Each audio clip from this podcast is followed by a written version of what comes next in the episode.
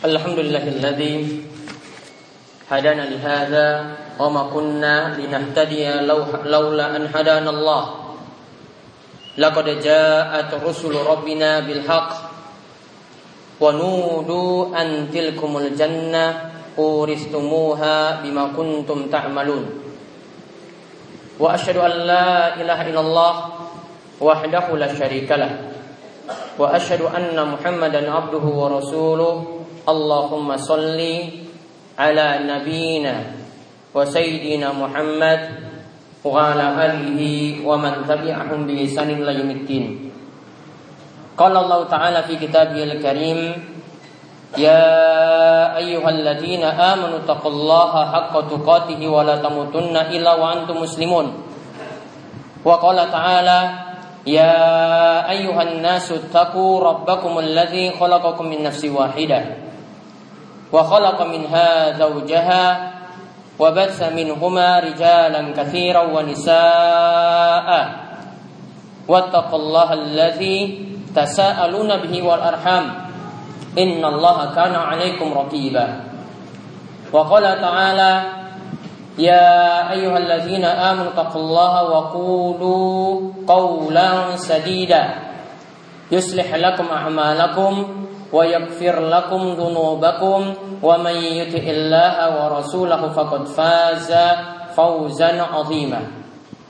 فإن أصدق الحديث كتاب الله وخير الهدى هدى محمد صلى الله عليه وسلم وشر الأمور محدثاتها وكل محدثات بدعة وكل بدعة ضلالة وكل ضلالة في النار.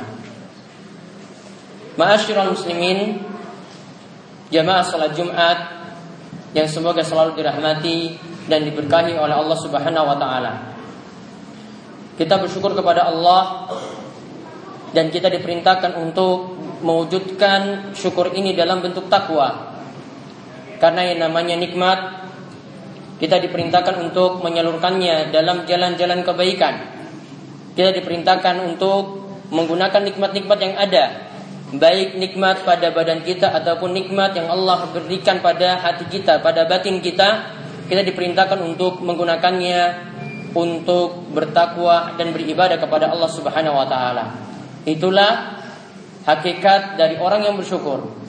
Dia dikatakan bersyukur jika dia gunakan nikmat-nikmat yang ada untuk beribadah kepada Allah Subhanahu wa taala. Dan kita mohon pada Allah semoga kita termasuk di antara hamba yang bersyukur yang mudah-mudahan kita terus ditambahkan berbagai macam nikmat-nikmat yang lainnya karena kita mewujudkan syukur dengan benar kepada Allah Subhanahu wa taala.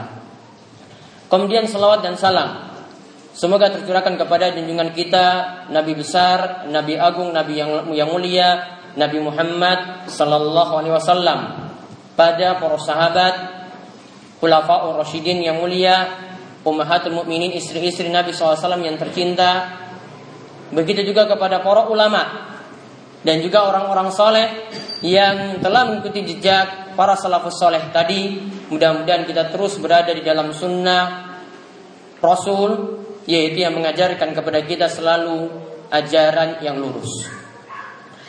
Ma'asyiral muslimin rahimani wa rahimakumullah. Belakangan ini kita sering mendengar istilah radikalisme atau istilah radikal. Terutama ini ditujukan kepada agama kita. Terutama ini ditujukan kepada Islam. Secara bahasa yang dimaksudkan dengan radikal itu artinya sikap keras. Yang dimaksudkan dengan radikal sikap keras untuk mewujudkan sesuatu. Maka kadang sikap keras ini ditujukan kepada orang-orang yang mungkin ingin memperbarui Islam, ingin mengedepankan sunnah Nabi Shallallahu Alaihi Wasallam, ingin mengajak kepada umat untuk kembali kepada Islam yang benar, mengajak umat untuk kembali kepada masjid, mengajak umat untuk mengenal bagaimanakah ajaran Nabi Shallallahu Alaihi Wasallam. Istilah radikal pada Islam tadi ditujukan kepada orang-orang semacam itu. Sehingga kita sering mengenal kalau orang yang mungkin dia itu menjalankan di antara ajaran Nabi Shallallahu Alaihi Wasallam. Misalnya dia dalam keadaan uh, penampilannya itu berjenggot atau seorang wanita memakai jilbab yang benar-benar menutupi aurat dengan jilbab yang lebar atau yang besar, maka dicap sebagai umat Islam yang radikal atau umat Islam yang memiliki pemahaman yang keras. Masyiral muslimin rahimani wa rahimakumullah. Kesempatan kali ini kami akan meluruskan bahwasanya Islam sangat membenci dua hal. Yaitu yang pertama, Islam tidak suka akan terorisme. Kemudian yang kedua, Islam tidak suka dengan sikap radikal. Islam yang pertama tidak suka dengan sikap terorisme, kemudian yang kedua Islam tidak suka dengan sikap-sikap radikal. Yang dimaksudkan dengan terorisme ini artinya menakut-nakuti. Di dalam istilah Arab ini dikenal dengan istilah al-irhab. Ya, dikenal dengan istilah al-irhab. Ini dimaknakan dengan bentuk menakut-nakuti orang lain, meneror menakuti ingin membunuh, menakuti untuk mengambil hartanya, atau mungkin dengan ancaman ingin membunuh orang lain. Ini dikenal dengan istilah al-ihab. Perlu dipahami bahwasanya Islam itu sendiri melarang sikap semacam ini. Adapun kalau sampai terjadi pembunuhan dan ini tidak melalui jalan yang benar, maka kata Allah Subhanahu wa taala dalam surat Al-Maidah ayat ke-32, Allah berfirman, "Man qatala nafsan bighairi nafsin aw fasadan fil ardi, faka'annama qatala an-nasa jami'a." Kata baginda Nabi SAW, barang siapa yang membunuh satu jiwa, satu jiwa saja dibunuh. Ini bukan hanya dua orang, tiga orang, namun satu jiwa saja dibunuh. Siapa yang membunuh satu jiwa? Tanpa jalan yang benar, atau dia membuat kerusakan di muka bumi, maka seakan-akan dia telah membunuh manusia seluruhnya. Maka seakan-akan dia dianggap telah membunuh manusia seluruhnya. Satu dibunuh, dianggap membunuh semuanya. Maka dengan jelas ayat Al-Quran ini surat Al-Maidah ayat 32 tadi menjelaskan dilarangnya bentuk pembunuhan tanpa jalan yang benar. Walaupun maksudnya adalah ingin menakut-nakuti orang kafir, Walaupun maksudnya di sini adalah ingin mengusir orang kafir dari negeri kaum muslimin. Kalau ini dilakukan dengan jalan yang tidak benar, maka kata Allah tadi, dia bunuh satu orang, maka dikatakan dia sama saja membunuh manusia seluruhnya. Maka dari ini dengan sangat jelas menunjukkan Islam tidak suka akan pembunuhan. Islam tidak suka akan bentuk terorisme. Dalam hadis Nabi SAW pernah menceritakan ada seorang sahabat yang kala itu disembunyikan tali miliknya. Atau saat ini kalau biasa di zaman kita ini biasanya tersendal milik teman itu disembunyikan. Nah ketika itu yang lainnya saat temannya ini nangis ya karena ingin cari barangnya tadi yang hilang yang disembunyikan. Ya, yang disembunyikan tadi. Kemudian Rasulullah SAW itu tahu. Kemudian Rasulullah SAW itu katakan, siapa yang mengambil tongkat atau mengambil barang milik saudaranya, cuma maksud apa tadi? Ingin nakut-nakuti saja. Maka ini adalah perbuatan yang tidak dibolehkan. Dalam riwayat yang lain disebutkan, la yahilu li muslimin ayyurawi'ah musliman. Tidak halal bagi seorang muslim menakut-nakuti meneror, membuat orang lain itu jadi bingung dengan sikap yang dia lakukan. Maka kita lihat juga dalam hadis ini, ini satu dalil lagi yang menunjukkan bahwasanya Islam tidak suka dengan bentuk menakut-nakuti atau meneror orang lain. Adapun tentang radikalisme, sikap keras. Ya, bagaimanakah sikap keras? Apakah Islam juga melarangnya? Jawabannya iya. Mulai dari binatang pun itu tidak boleh disiksa.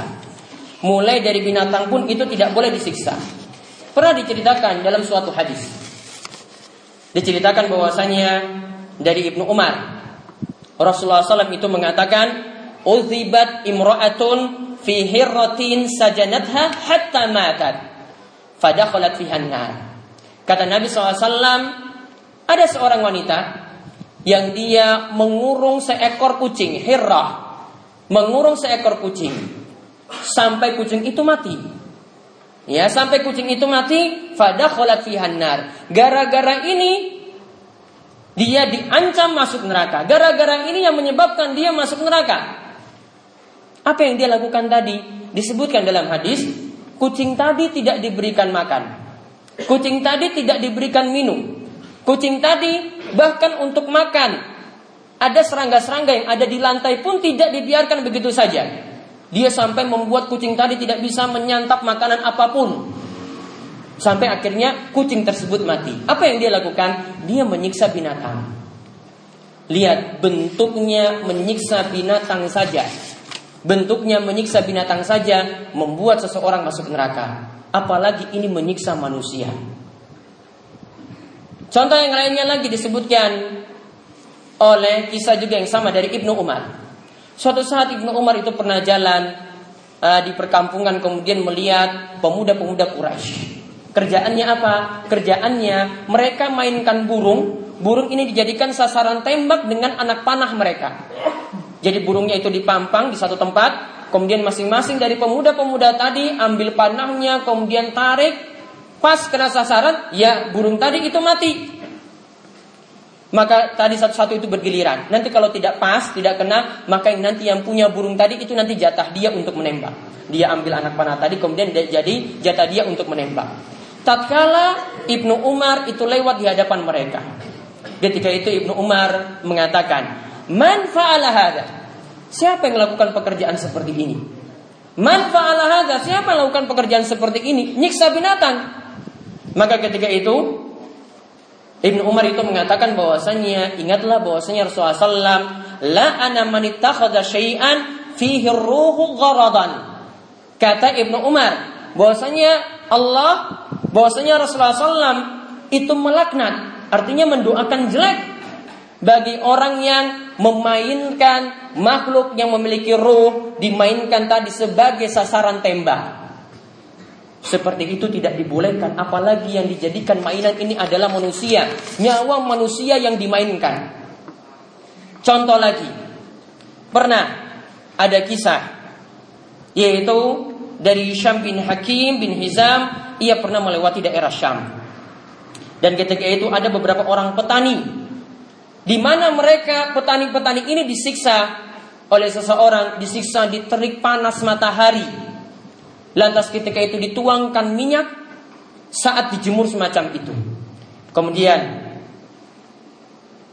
ketika dia lewat, ya, ketika Hisham tadi itu lewat, kemudian dia tanya, ini karena apa? Kok bisa disiksa seperti itu?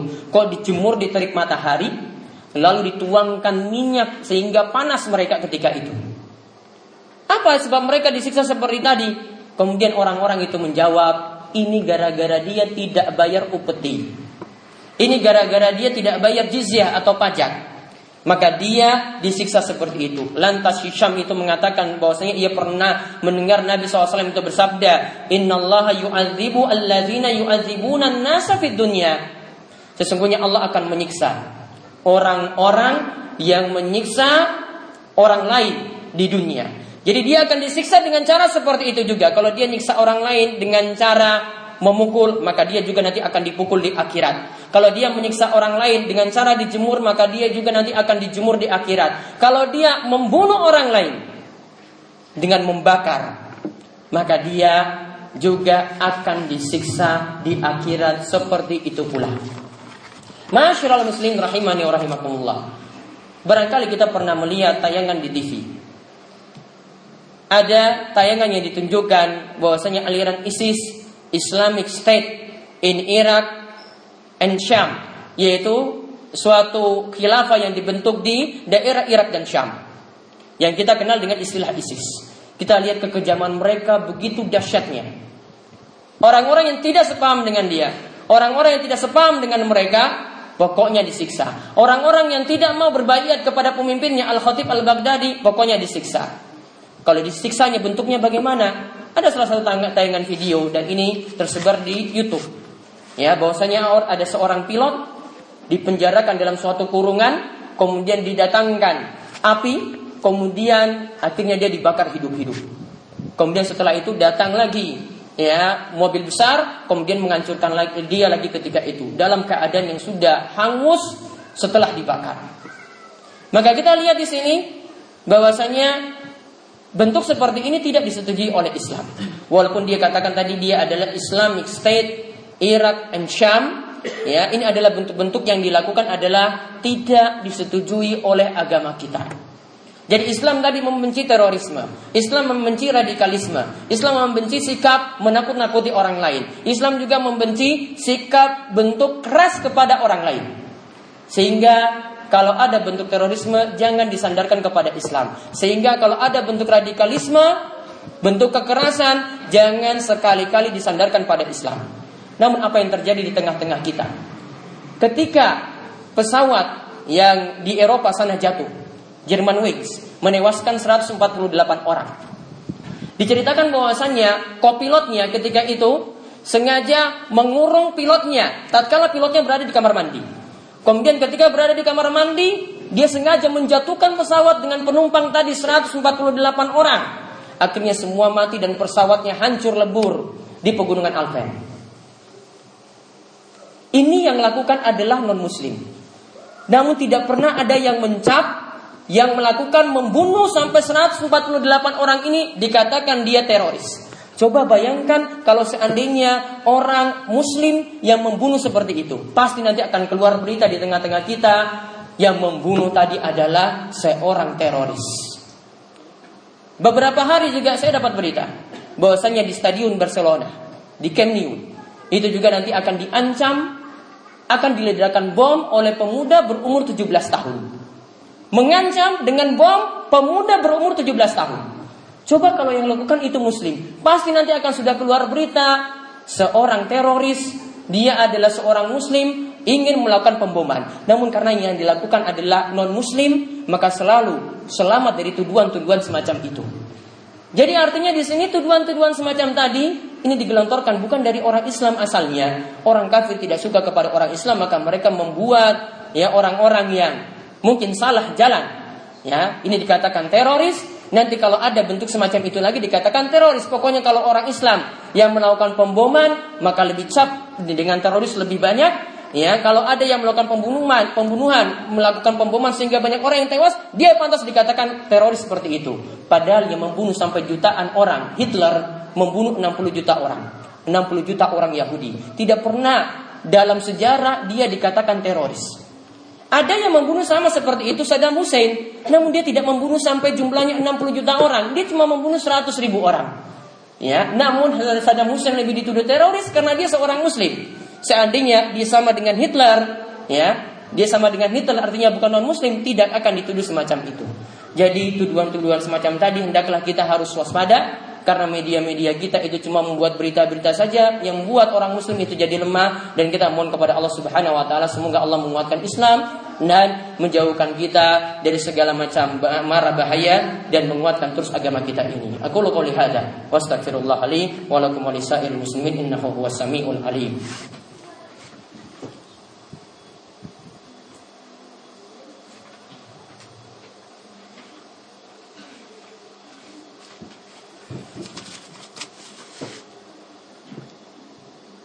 Alhamdulillah Rabbil Alamin. Hamdan kasiran Tayyiban mubarakan fi Kami yuhibu Rabbuna wa yardah. Wa ashadu an la ilaha illallah Wahdahu la syarika lah. Wa ashadu anna Muhammadan abduhu wa rasuluh. Allahumma salli ala nabiyina wa sayyidina Muhammad Wa ala alihi wa man tabi'ahum bisan ilaihiddin Intinya ajaran Islam Tidak mengajarkan terorisme. Ajaran Islam juga tidak mengajarkan radikalisme yang ada yang diajarkan oleh Nabi SAW, beliau mengajarkan kasih sayang kepada umatnya. Pernah ada seorang sahabat punya 10 anak. Dia katakan bahwasanya innali asyaratun abna. Saya itu punya 10 anak. Namun tak satu pun saya pernah mencium anak-anakku tadi. Punya 10 anak tidak pernah dicium. Cium pipinya saja tidak pernah. Maka ketika itu Rasulullah SAW itu mendengar sahabat ini aneh. Masa anaknya sendiri tidak pernah dicium? Tanda dia tidak sayang kepada anaknya. Maka ketika itu Nabi SAW itu mengatakan, Malla yarham la yurham. Siapa yang tidak menyayangi orang lain tidak akan dikasihani oleh Allah. Siapa yang tidak menyayangi orang lain tidak akan dikasihani oleh Allah Subhanahu wa taala. Apa yang diajarkan oleh Islam? Islam mengajarkan kasih sayang sampai anak kecil pun diajarkan seperti itu. Maka Nabi SAW juga pernah mengatakan, kita diajarkan untuk bersikap lemah lembut. Tanda kita itu sayang kepada orang lain. Kata Nabi SAW, Inna rifqa la yakunu fi syai'in illa zana. Ya namanya sikap lemah lembut, tidak kasar. Kalau ini ada, maka akan membuat segala sesuatu itu jadi indah. Wala yunzau min syai'in illa syana. Kalau lemah lembut itu tidak ada. Yang ada sikap keras, maka itu cuma bisa menjelekkan sesuatu. Itu hanya bisa menjelekkan sesuatu. Maka dua dalil tadi ini menunjukkan bahwasanya Islam sangat mencintai kasih sayang. Islam sangat mencintai sikap lemah lembut. Islam tidak mengajarkan ajaran yang keras. Mungkin per individu seperti itu, namun ini tidak boleh kita sandarkan kepada Islam. Sama seperti kita lihat di antara umat kita itu ada yang korupsi, di antara umat kita itu ada yang minum minuman keras, di antara umat kita itu ada yang selingkuh. Namun kita tidak katakan bahwasanya Islam menyetujui selingkuh, Islam itu menyetujui minuman keras, minum minuman keras, Islam menyetujui menyetujui korupsi seperti tadi. Intinya Islam tidak disandarkan pada hal yang jelek karena Islam itu mengajarkan ajaran yang baik bagi kita semuanya. Masyaallah muslimin rahimani wa rahimakumullah di hari Jumat yang penuh barokah ini. Marilah kita banyak berselawat kepada Nabi SAW Dan barang siapa yang berselawat kepada Nabi Maka Allah akan berselawat kepadanya sebanyak 10 kali. Inna Allah malaikatahu salluna ala nabi. Ya ayuhalladzina amanu sallu alaihi wa sallimu taslima. Allahumma salli ala Muhammad Wa ala ali Muhammad Kama sallaita ala Ibrahim Wa ala ali Ibrahim innaka hamidun majid. Allahumma barik ala Muhammad Wa ala ali Muhammad Kama barakta ala Ibrahim Wa ala ali Ibrahim innaka hamidun majid Marilah kaum muslimin sekalian Kita menjadi memanjatkan doa pada Allah mungkin-mungkin Allah memperkenankan setiap doa-doa kita. Allahumma fir lil muslimina wal muslimat wal mu'minina wal mu'minat al ahya'i minhum wal amwat innaka sami'un qaribun mujibud da'wat. اللهم اقسم لنا من خشيتك ما تحول به بيننا وبين معصيتك ومن طاعتك ما تبلغنا به جنتك ومن اليقين ما تهون به علينا مصائب الدنيا اللهم متعنا بأسمائنا وأبصارنا وقواتنا ما أحييتنا واجعله وارث منا واجعل ثأرنا على من ظلمنا وانصرنا على من أدانا ولا تجعل مصيبتنا في ديننا ولا تجعل الدنيا أكبر همنا ولا مبلغ علمنا ولا تسلط علينا من لا يرحمنا ربنا هب لنا من أزواجنا وذريتنا قرة أعين واجعلنا للمتقين إماما Ya Allah ya Rabb kami Ampunilah segala dosa kami Ampunilah juga segala dosa kedua orang tua kami Begitu juga ampunilah segala dosa orang-orang yang telah mendahului kami. Berikanlah kami petunjuk untuk bisa mudah untuk mendapatkan surgamu. Berikanlah kami petunjuk untuk bisa meraih ilmu yang ada dalam agama ini. Berikanlah kami petunjuk juga untuk melakukan ketaatan, melakukan sholat, dan melakukan ibadah-ibadah yang lainnya yang semakin mendekatkan kami kepadamu. Ya Allah, berikanlah kepada kami keberkahan, berikanlah keberkahan kepada panggang ini. Ya Allah berikanlah kami curahan hujan yang penuh barokah. Ya Allah berikanlah kepada kami juga hasil panen yang begitu berkah, begitu juga pendapatan dan rezeki yang penuh berkah yang turun darimu. Ya Allah ya Rabb kami, ampunilah segala dosa kami dan juga segala dosa pemimpin kami. Berikanlah kami semua petunjuk kepada jalan yang lurus. Rabbana atina fid hasanah wa fil akhirati hasanah wa qina adzabannar. Rabbana atina fid hasanah wa fil akhirati hasanah wa qina adzabannar. Rabbana atina fid hasanah wa fil akhirati hasanah wa azaban nar. Inna Allah ya'muru bil adli wal ihsan wa ita'i dzil qurba wa yanha 'anil fahsya'i wal munkar wal baghi. Ya'idzukum la'allakum tadhakkarun wa la dzikrullahi akbar aqimus shalah.